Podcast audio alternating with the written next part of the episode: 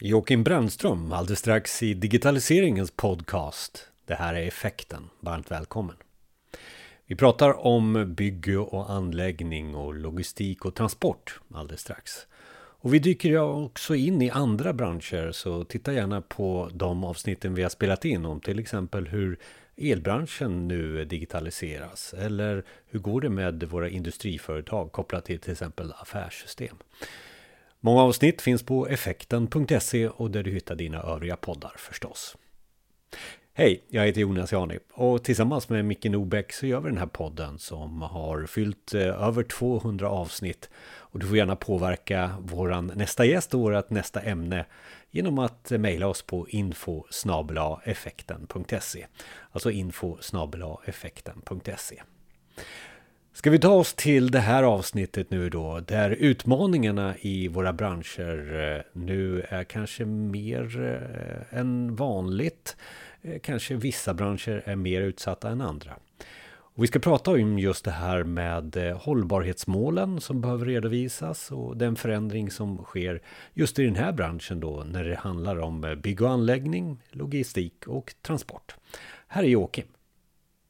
När digitaliseringen driver vidare och vi tittar på de olika branscherna där digitalisering behövs, kanske allra mest, så är det bygg och anläggning då som är ämnet och kategorin och branschen. Välkommen till podden Jocke. Tack så mycket. Eh, någonstans här då brukar vi alltid börja podden med att orientera oss om ämnet. Så vad är då digitalisering för, för bygg och anläggning just nu? Enligt dig? Ja, ja det, digitalisering är väl, eh, ser ju ungefär ut likadant eh, generellt sett för, för alla branscher. När, när det är mot företag så ska det ju effektivisera flöden och dra bort manuell administration och all, allt det där. Eh, men det händer, eller rättare sagt, det finns andra starkare drivkrafter nu som gör att det kommer eskalera. Och det är bland annat krav från myndigheter men också från stora beställare och huvudentreprenörer i branschen. Eh, och även eh, politiskt inom Sverige här men eh, också inom EU och övriga världen eh, vidtas det väldigt eh, ska man säga, skarpa åtgärder just nu. Och det handlar ju om att eh, vad vi behöver göra för att lyckas ställa om och, och, och hålla oss till de globala klimatmålen. Och om man tittar på bygg och anläggning som en generell bransch, bara för att vi, ska, vi som inte är med i branschen, hur ser, ser det ut? Hur, hur är företagen? Är det eh, lastbilschaufförer eller hur, hur, ser, hur ser företagandet ut i branschen? Ja, det är ju jättestort. Alltså, om man säger byggbranschen som stort så är det ju runt 116-120 000 företag i Sverige. Och det kan ju vara allting från eh, väldigt mycket hamnar ju under byggparaplyt på så sätt. Eh, men eh, en stor del är ju just lastbilar och maskiner, grävmaskiner, eh, att ta fram eh, bergmaterial och sådana saker till eh, uppbyggnad av nya stadsdelar eller vad det nu kan vara. Så att, och, och det är det, det som fokuset som jag har, just nu, det är ju eh, kopplat till de kraven som kommer och då är det framförallt i alla fall här i början, eh, åkerier och entreprenadmaskinföretag som, som blir berörda. Och, då det...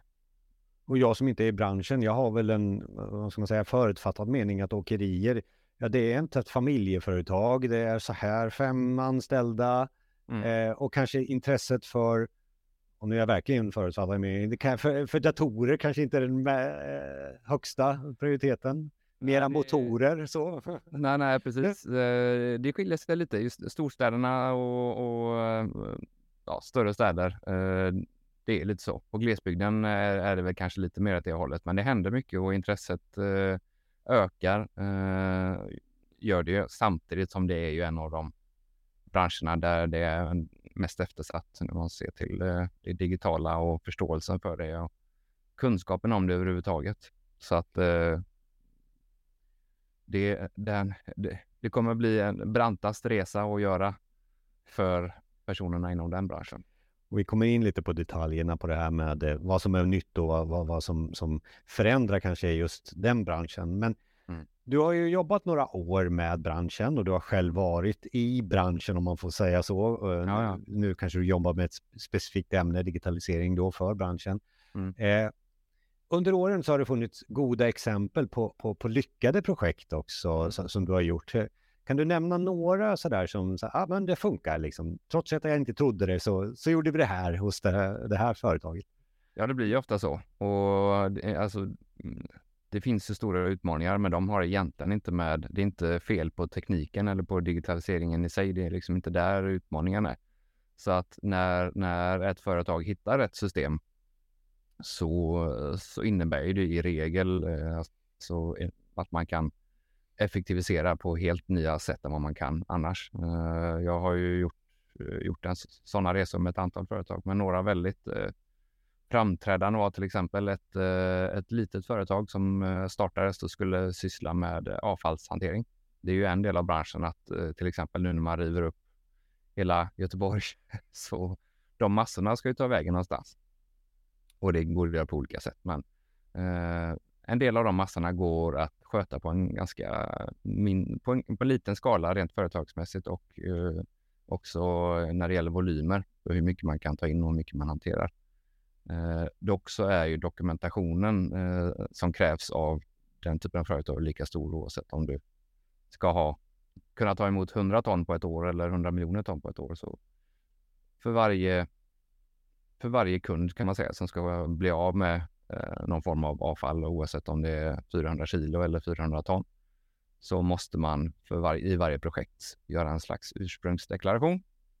Jag behöver inte gå djupare in på det, men det var eh, rent eh, regelmässigt och juridiskt och så där så var det väldigt komplicerat och det skulle bli enorma mängder papper som skulle flödas för det skulle eh, kunden som vill bli av med massorna måste läsa och signera. Den ska, pappret ska sedan in till den som ansvarar för Eh, för anläggningen och, och det, det, kunde ta kanske, alltså i värsta fall en vecka innan man kan få besked om man kan bli av med eh, ett lass som man kanske egentligen behöver bli av med eh, omgående.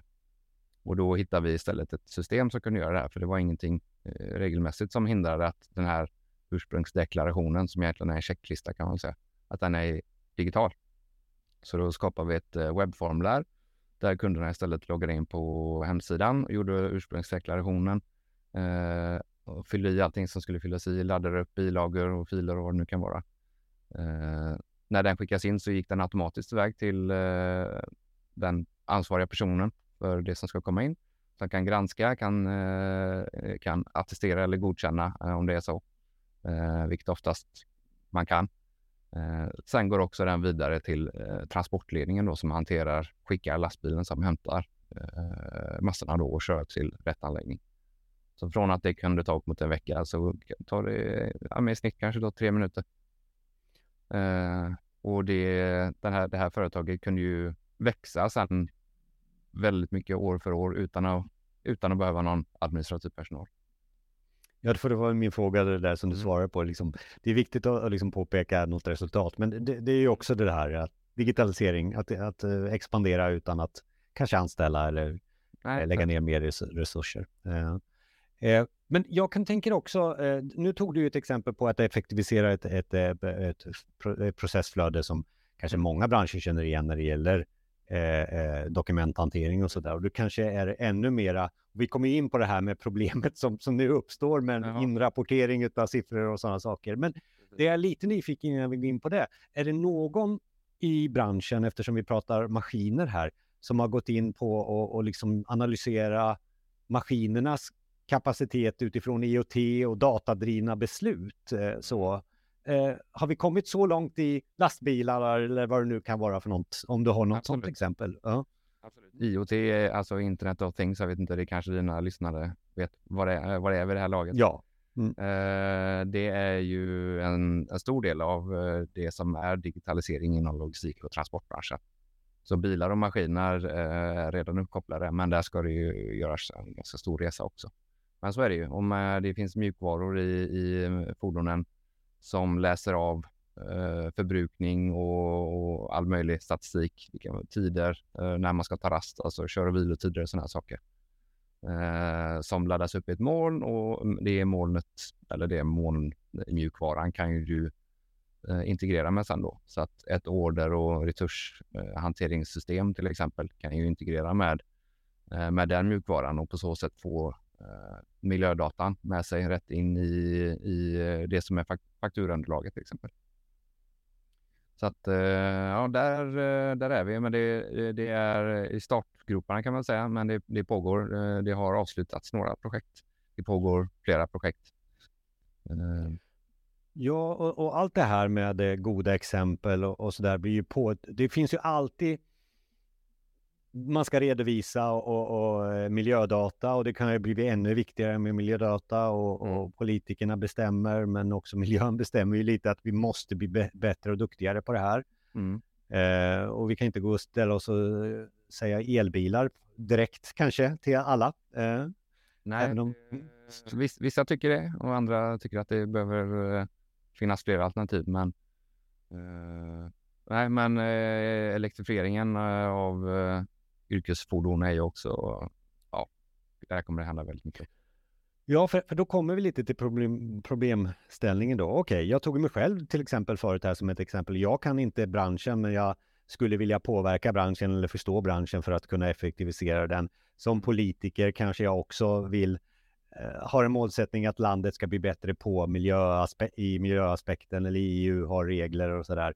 Mm. Men vad jag har förstått på dig och, och mycket av, av den här konversationen handlar ju om att kanske krav kommer nu som den här branschen inte är redo för. Om jag får tolka dig rätt utifrån de förmöten du och jag har haft. Eh, berätta ja, lite vad, vad som kommer här. Och... Det, är ju, det är ju lite så. Uh, självklart beror det ju på hur Eh, ja, en sån sak som storlek på företag kan ju per automatik göra att man redan är insatt i det därför att man kanske har större kunder som redan har börjat ställa sådana krav. Men eh, nu eh, Naturvårdsverket eh, vill ju att man rapporterar avfallsdata eh, digitalt sedan en tid tillbaks.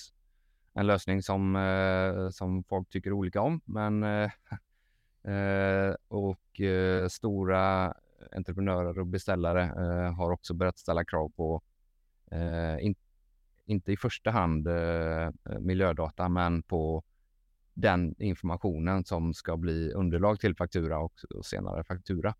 Att, eh, en digital följesedel kallar man det för. Eh, sådana krav har redan börjat komma in.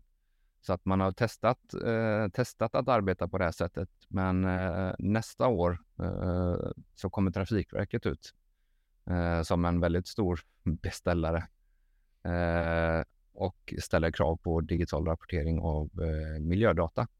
Alltså hur mycket, vilken typ av drivmedel och hur mycket man förbrukar och så vidare i alla projekt som eh, rör väg och järnväg. Eh, och det ska dessutom göras enligt en viss eh, datastandard som heter byggbranschens elektroniska affärsstandard, förkortas till BEAST eller många säger BEAST. De flesta säger väl BEAST, de som är lite mer akademiskt korrekta säger BEAST.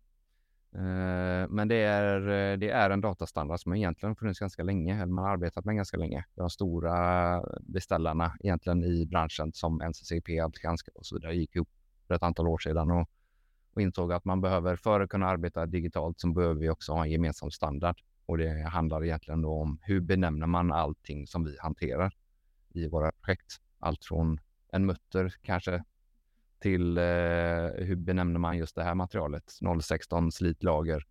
Eh, hur benämner man den här maskinen, den här utrustningen, den här bilen och så vidare. Så att, och även nu då hur man ska benämna miljödatan. Så att, eh, men, men det här låter ju gott. Det här är väl bra? Det syftet är ju jättebra.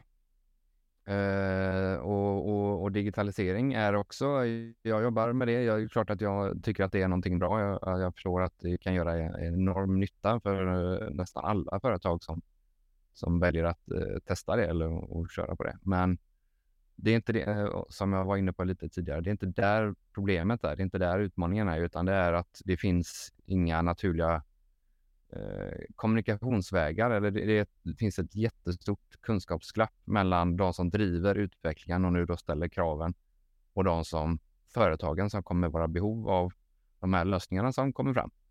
framförallt då eh, de minsta företagen. Eh, ser man alltså hela byggbranschen generellt, men det, det ser likadant ut inom, om man ser maskinentreprenörerna i landet. Någonstans 87 till 90 procent, närmare 90 procent av hela branschen består av företag som har under 10 anställda. Eh, och det är den här målgruppen jag under väldigt många år har jobbat med. Bland annat för att jag har jobbat inom en lastbilscentral med, och då är det liksom, då är det små hundratals små eh, åkerier och maskinföretag som man arbetar med och, och jobbar med deras utmaningar i, i deras vardag.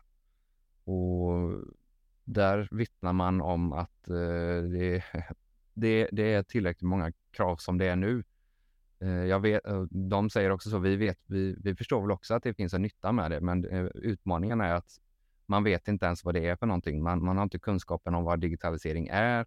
Man vet, har ingen aning om vad som händer. Man vet inte att de här kraven kommer. Man vet inte vad Beast eller BEAST är för någonting. Man, man förstår inte ens alltså digitalisering. Du kan inte, jag har en lastbil, du kan, den kan inte bli digital. Det, det, det är på den nivån väldigt mycket eh, just i den här målgruppen. Eh, så att eh, utmaningen är ju där att de inte har förutsättningarna att hitta rätt och sen inte kanske resurserna att faktiskt komma igång och, och implementera den här systemlösningen och lära sig den. Det finns en stor diff här nu då mellan vad någon som sitter här borta gör och vad någon mm. som sitter här borta eh, kan och, och vill och gör dagligen. Ja. Eh, det, det, är det. Och jag hörde också som du sa att ja, ja, men de, de, kommer, det här med att de inte kan digitalisering, de har fax. Mm. Och det var det första liksom, nej sluta Jocke, mm. alltså är det så fortfarande i, i den här branschen? Jag trodde nämligen de sista faxarna var borta sedan fem år tillbaka i alla fall. Så, nej, nej, det, det stöter jag på ofta, oftare än vad man tror. Alltså att man fortfarande använder fax och att eh, det, det kan lika gärna vara en ung person som sitter i en lastbil eller en maskin som inte har en smartphone, som inte har en dator hemma. Eh, så att eh, det blir ju självklart eh, mer och mer eh, ovanligt så. Men, men det, det, det, är fortfarande en verklighet för, för fler än vad man tror. Och det är ju liksom som du säger, okej, okay, om vi bara säger att 90 procent utav, av, av branschen är inte riktigt förberedda, har inte kunskapen, har inte fått, hö, fått upp sin röst kanske emot de som har ställt de här kraven, eh, som jag uppfattar det.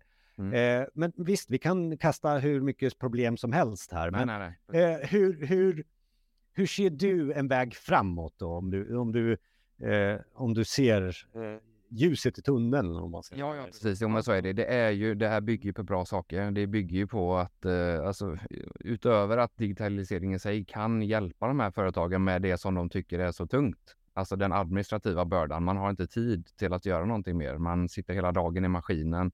Eh, och man är vd, man är försäljare, man är eh, planerare, man är, eh, hanterar bokföring och på kvällarna och helgerna sitter man med administration. Så att jag förstår ju att man känner det, att det är inte alternativ, ett alternativ. Jag, jag har inte kunskapen, jag har inte tiden. Samtidigt som det för det företaget som digitalisering kan göra absolut mest underverk. Eh, och då handlar det ju om att, eh, att få en eh, dräglig yrkesvardag men också ett liv efter jobbet. Har du några idéer för, för just det, ska man, ja, de ska sätta vid skolbänken eller de ska ta tag i det här eller lägg ner företaget? Alltså. nej, nej, nej, det ska man verkligen inte göra. Uh, in, äh, inte lägga ner företaget alltså. Nej, det finns ju, det, det pågår mycket även där nu. Uh, alltså det är ju en del av utvecklingen nu, att det, det kommer Eh, det har eh, Vinnova som är eh, en organisation som vad ska man säga, samlar in eh, statliga pengar för att eh, dela ut till olika forskningsprojekt.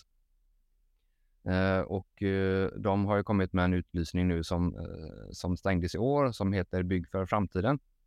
Där man då ska fokusera på hur gör vi det? Och det kan ju vara allting från att komma fram till nya slags IT-lösningar och, och, system till att hitta nya affärsmodeller, till att hitta nya samarbeten och så vidare.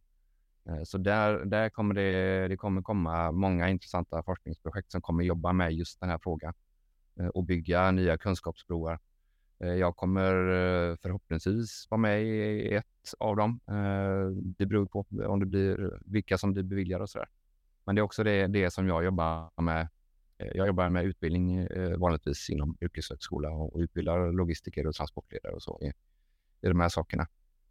Eh, men utöver det så lägger jag lite tid som, som nu till exempel. Jag föreläser lite ibland och, och eh, jag försöker också nu samla ihop en grupp eh, med företag där vi faktiskt kan diskutera vad de här kraven innebär i, i detalj, eh, både kunskapsmässigt och, och tekniskt.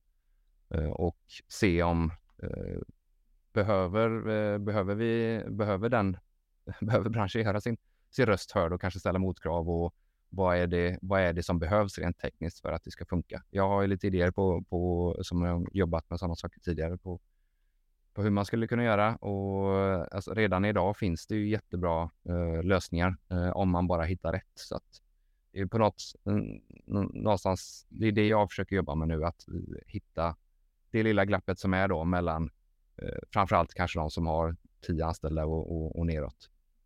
Att få ett litet, en litet kunskaps eh, så att man vet av de här tio systemalternativen som, som finns så ska jag veta vilket av dem som passar mig bäst och ha möjlighet att komma igång.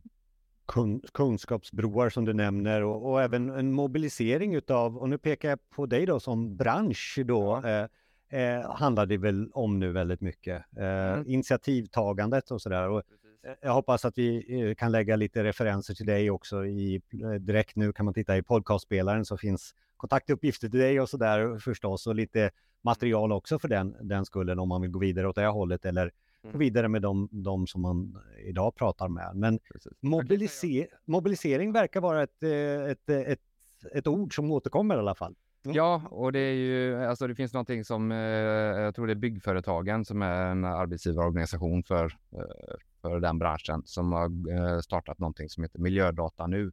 Där man också då, eh, är tanken att eh, näringslivet, alltså företagen då ska gå, gå tillsammans också, enas om och komma fram till nya idéer och, hur man, hur man på bästa sätt, enklaste sätt ska kunna möta de här kraven då. Oavsett storlek. Så det, det händer mycket och man får gärna ta kontakt med mig eh, också. Om man börjar. Ja, och det här är ju också en start på just att kanske eh, få ut ett, ett forum för eh, diskussion så att vi minskar diffen emellan förväntningar och, och vad verkligheten är i, i, i branschen också när det gäller digitalisering. Och 20 minuter eh, löser man kanske inte allting på, men vi har, har, har, fått igenom eh, ganska många olika saker här. Men är det någonting så här på slutet som vi ska trycka på mer eller har glömt bort i, i den här konversationen? Nej, det är väl bara det att man, eh, jag kan bara säga, det, det, jag ska försöka få det att inte låta som något eh, dåligt, men innan så, innan så är det så, man har haft alternativet att välja, eh, okej, okay, digitalisering kan vara jättebra, men jag väljer att avstå. Eh, nu har besluten har fattats, alltså på politiskt och inte bara i Sverige, i, i EU, men också så, små, så småningom övriga världen. Eh, det en av de absolut viktigaste sakerna vi måste göra för att kunna uppnå klimatmålen är att digitalisera logistik och transportbranschen och allt vad det innebär. Så besluten är fattade. Alltså nu ska man eh, vara och verka inom den branschen så måste man arbeta digitalt nu.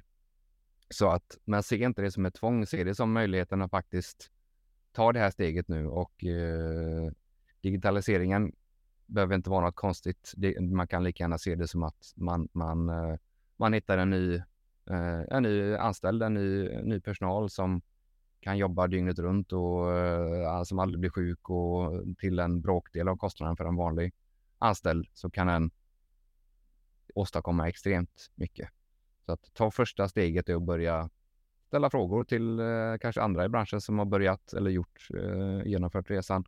Sök, eh, sök upp till exempel miljödata.nu och byggföretagen och branschorganisationerna jobbar ju väldigt mycket med det här. Så att ta kontakt med branschorganisationen och se eh, vad de kan om, eh, om det och, och, vad de kan hjälpa er med.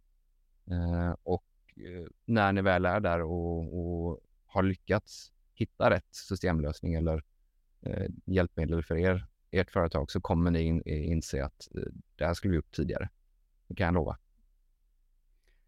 Tack så mycket för samtalet Joakim. Tack så mycket.